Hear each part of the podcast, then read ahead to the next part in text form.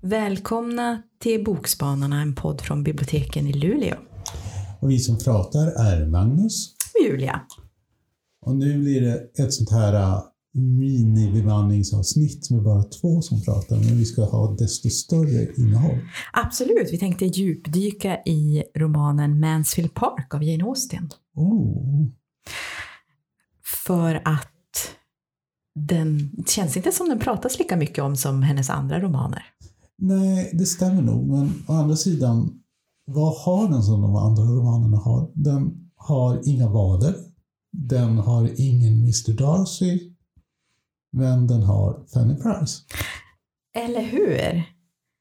Och jag tänkte om vi tar lite kort om handlingen. Eh, och Fanny Price, det här är ovanligt för Jane Austen, det är också typ en barndomsskildring. Vi får inte möta någon av de andra hjältinnorna i barndomen. Men tioåriga Fanny eh, lever med sin familj i fattigdom. Och hon skickas till sina förmögna eh, släktingar. Eh, Sir Thomas och hans fru Lady Bertram, som är hennes moster, och deras fyra barn på godset Mansfield Park. Och det är väl för att hon ska få chans till utbildning och undkomma fattigdom. Och eh, omgivningen, hennes släktingar och bland annat hennes eh, eh, moster är inte så snälla med henne. De nämner hela tiden hennes lägre börd eh, och eh, hon får passa upp dem. Hon är på något sätt inte del av familjen utan hon är utanför. Och alla behandlar henne så, förutom då hennes eh, jämnåriga kusin Edmund. Och han ser henne inte som mindre värd och de utvecklar då en stark vänskap. Och en dag nu när alla är vuxna så dyker det upp ett eh, syskonpar som heter Crawford med Henry och Mary som livar upp stämningen eh, och, och, och, rör om bland de andra och de vill sätta upp ett skådespel då allihopa. Eh, och man undrar vad vill de? Henry eh, blir lite intresserad av Fanny men även hennes kvinnliga kusiner och Mary tar sikte på Edmund då och vad ska nu Fanny göra? Ska hon låta sig svepas med med Henry i hans person? Och eh, nu tänker jag faktiskt berätta hur den slutar den här, för att vi ska kunna diskutera det här ordentligt. Och det är ju ett lyckligt slut om man tycker att de karaktärerna som är omoraliska ska bli utkastade och de moraliska ska bli, eh, få sin belöning. Eh, Edmund, eh, som då Fanny alltid har varit förtjust i, han tar sitt förnuft till fånga och gifter sig med då sin stadige moraliska kusin Fanny Price och hon blir äntligen på riktigt del i familjen. Mm. Och problemet med Mansfield Park det är att många moderna fans inte riktigt gillar eh, Fanny Price. Därför, kanske på grund av hennes moraliskhet. Och kanske på grund av att hon är tyst och prydd och lydig på ett sätt som man, man förväntar sig att sina hjältinnor eller hjältar på något, ska ta plats och på något sätt protestera och diskutera och inte bara acceptera läget. Hon är väl så långt ifrån girl power som man kan komma. Ah, ja, absolut. Hon är ju, många ser ju henne som nästan totalt i mm, motsats till Elisabeth Bennet som är då hjältinnan från Stolthet och fördom. Hon är ju liksom livlig och har något driv framåt och vågar säga vad hon tycker på ett annat sätt medan Fanny Price här då, som vi sa, hon är tyst och lydig och prydd och stolt och hela tiden måste på något sätt, eh, hon står vid sidan av i, hos sina släktingar där. Eh, så jag tror att många inte tycker att hon är nog, jag vet inte, det är inte nog romantisk historia mm. kanske, eller att hon är en, en, en sån hjältinna man kan leva sig med på, på det sättet. Kanske. Men det är ju också sådär tidsstyrt. För på 1800-talet och framförallt i slutet av 1800-talet under viktorianismen, då uppskattar de Fanny Price. För Jane Austen hade lite dåligt rykte i slutet av 1800-talet. Hon ansågs vara lite sedeslös. Liksom. Oj, oj, oj. Eh, kvinnor som springer runt i naturen utan eh, korsett. Och då kunde man lita på Fanny Price som var hemma hela tiden och som inte sa emot. Och kom med några fräcka repliker. Absolut, för det, det som är, det är ju den mest eh, moraliska, alltså kan man kanske säga av, alltså där moralen tar störst plats, där det verkligen handlar om att eh, att de får ju som med det här med skådespelet och den här livliga syskonen som försöker leda dem från den rätta banan och vil, vilka faller till föga men Fanny Price faller inte till föga på något sätt att hon är en eh, hon, hon faller inte för frestelserna som några av de andra karaktärerna gör.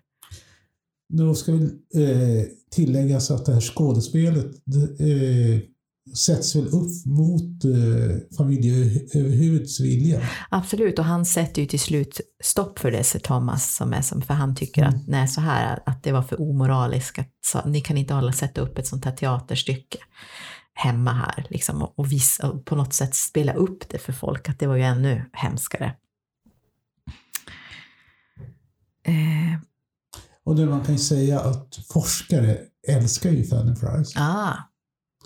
För det är ju så, om det är ett eh, stycke som inte är allmänt läst, desto mer kan man ju skriva eh, forskningsrapporter om varför det inte är läst. Ja.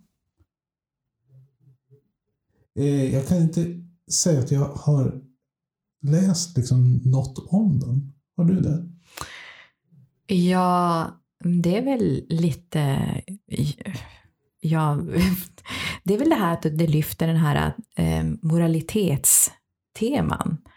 Eh, betydelse av utbildning och uppfostran.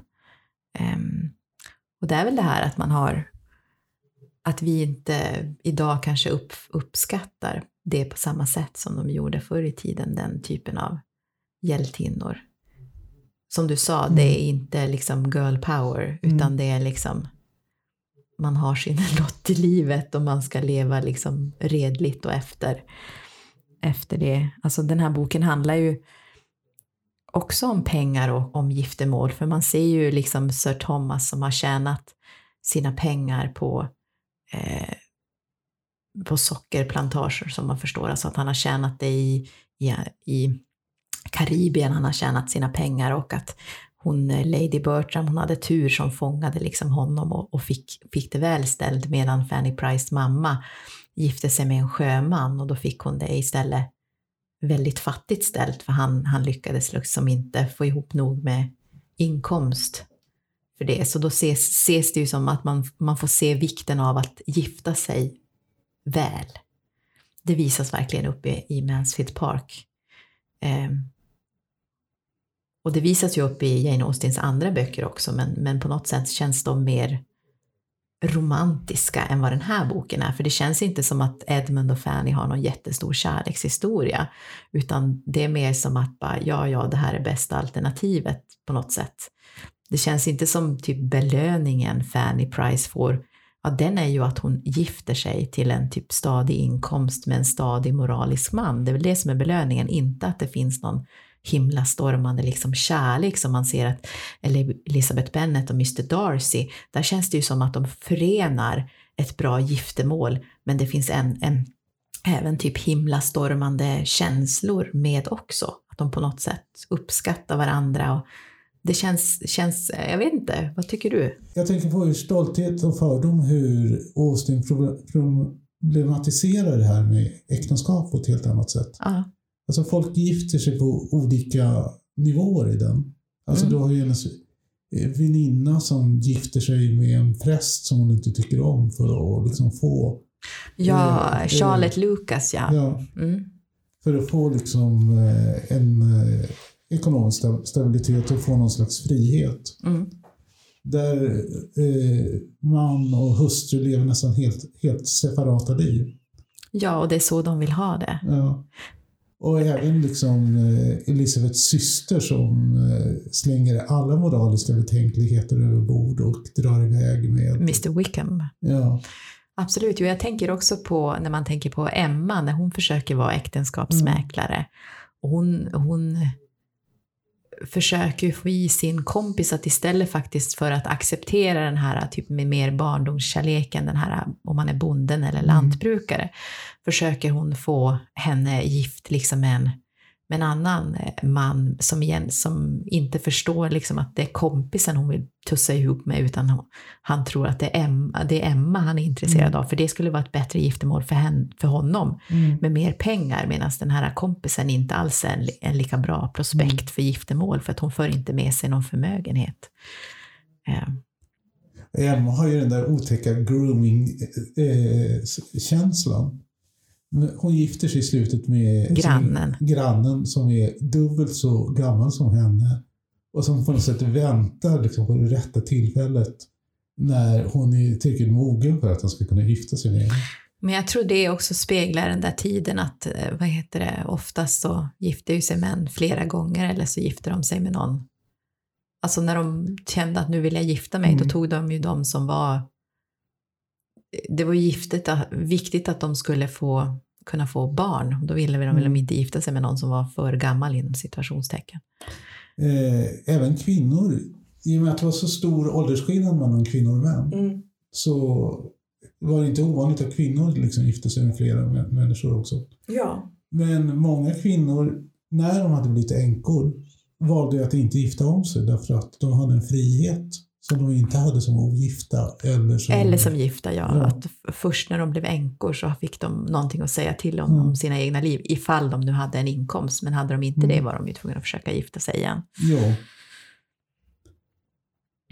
Men eh, jag tror att det som också kanske är problem med Eastfields Park, att vi är tillbaka i det där allvaret, alltså att eh, Austin på ett mer nedtonat sätt försöker beskriva liksom någon moralisk problematik.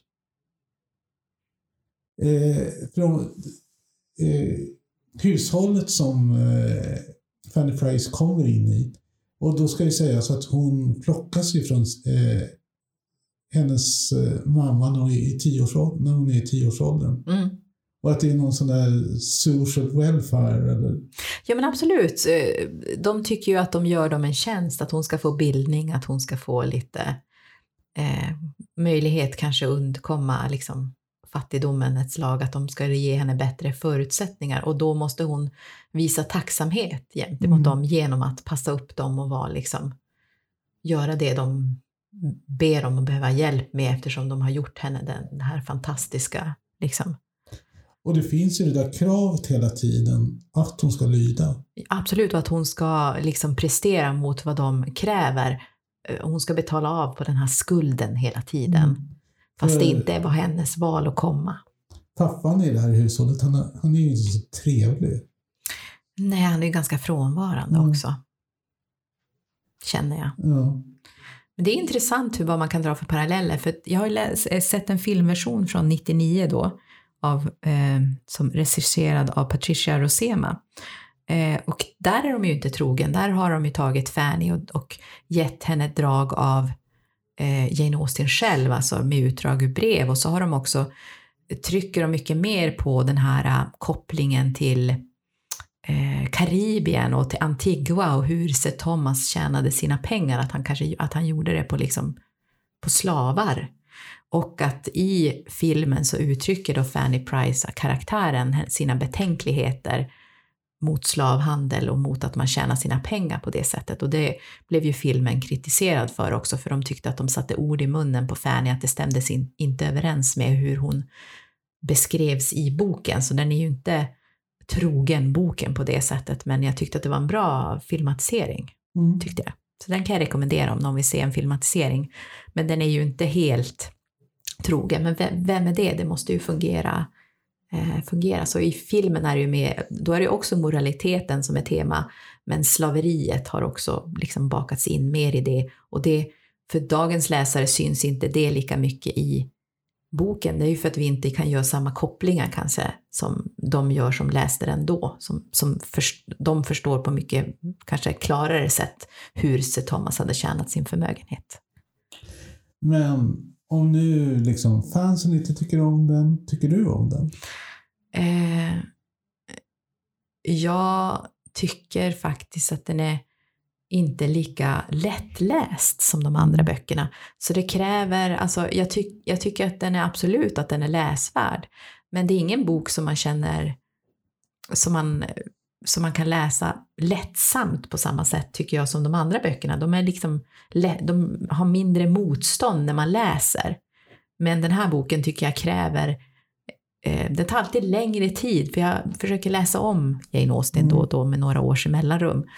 Och om jag ska vara ärlig så har jag, den här är nog den som jag har läst minst gånger av Mm. dem. Mm. För den, den, det känns som att den kräver mer tid och mer, alltså den tar längre tid att läsa, tycker Mm. jag. Och det kanske har att göra med de här temana och att den inte är lika, jag vet inte, lättsam eller hur man ska uttrycka det. Jag vet inte, vad tycker du? Har du läst den? När du, Eh. har du läst om den eller bara läst den en gång? Jag läste den en gång Mm. och jag känner väl kanske lite som du. Mm. För att jag har ju inte fått den där riktiga...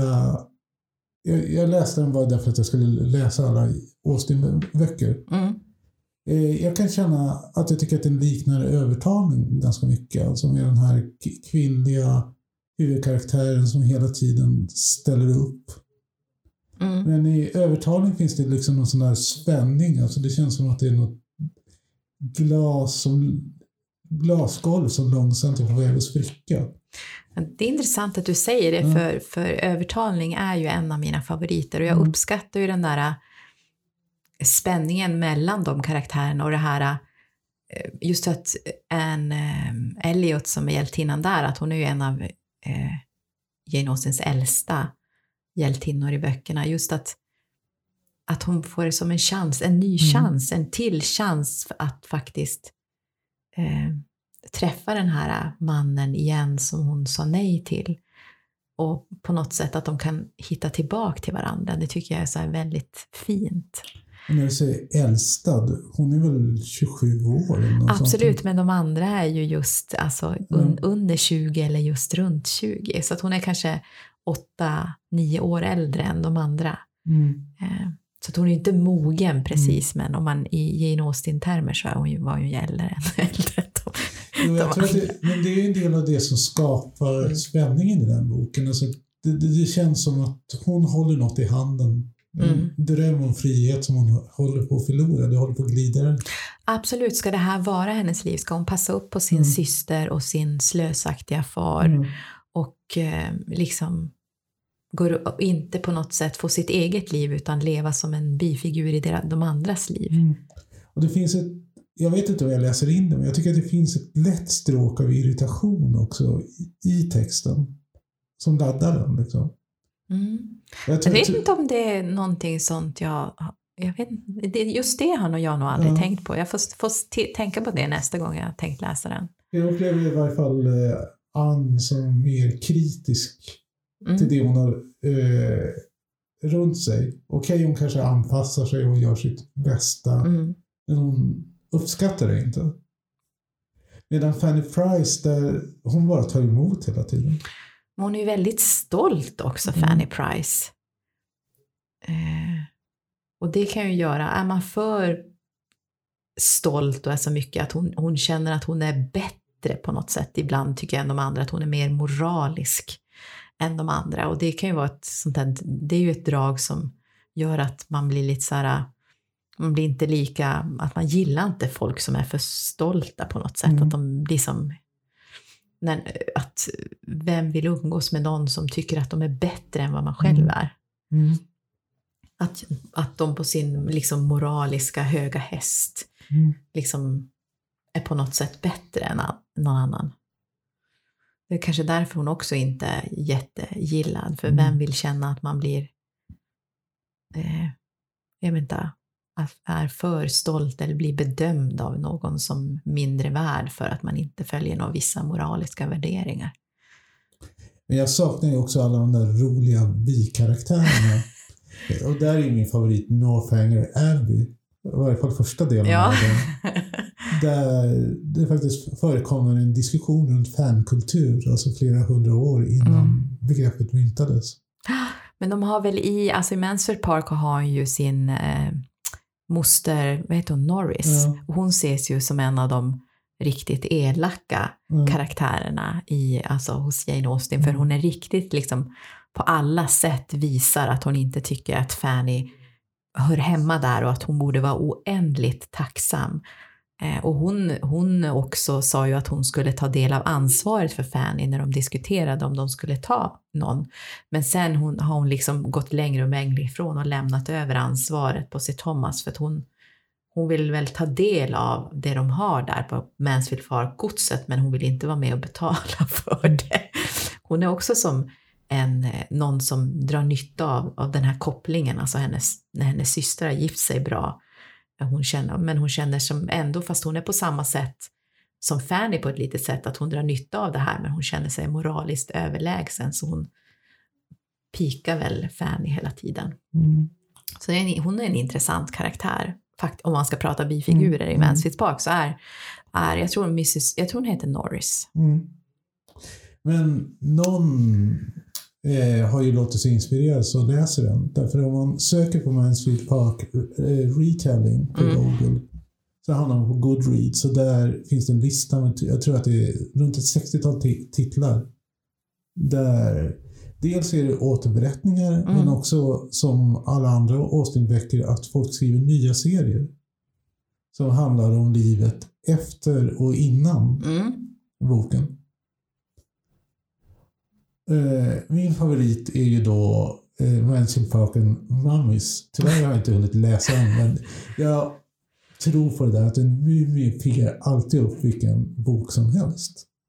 Ja, det lät ju som om det skulle passa på det där instängda godset för att de befinner ju sig, och det är ju lite ovanligt, i princip hela eh, romanen på samma ställe, i samma där. Att livet är som instängd på Mansfield Park. Mansfield Park är nästan som en egen karaktär i boken, själva godset. Mm.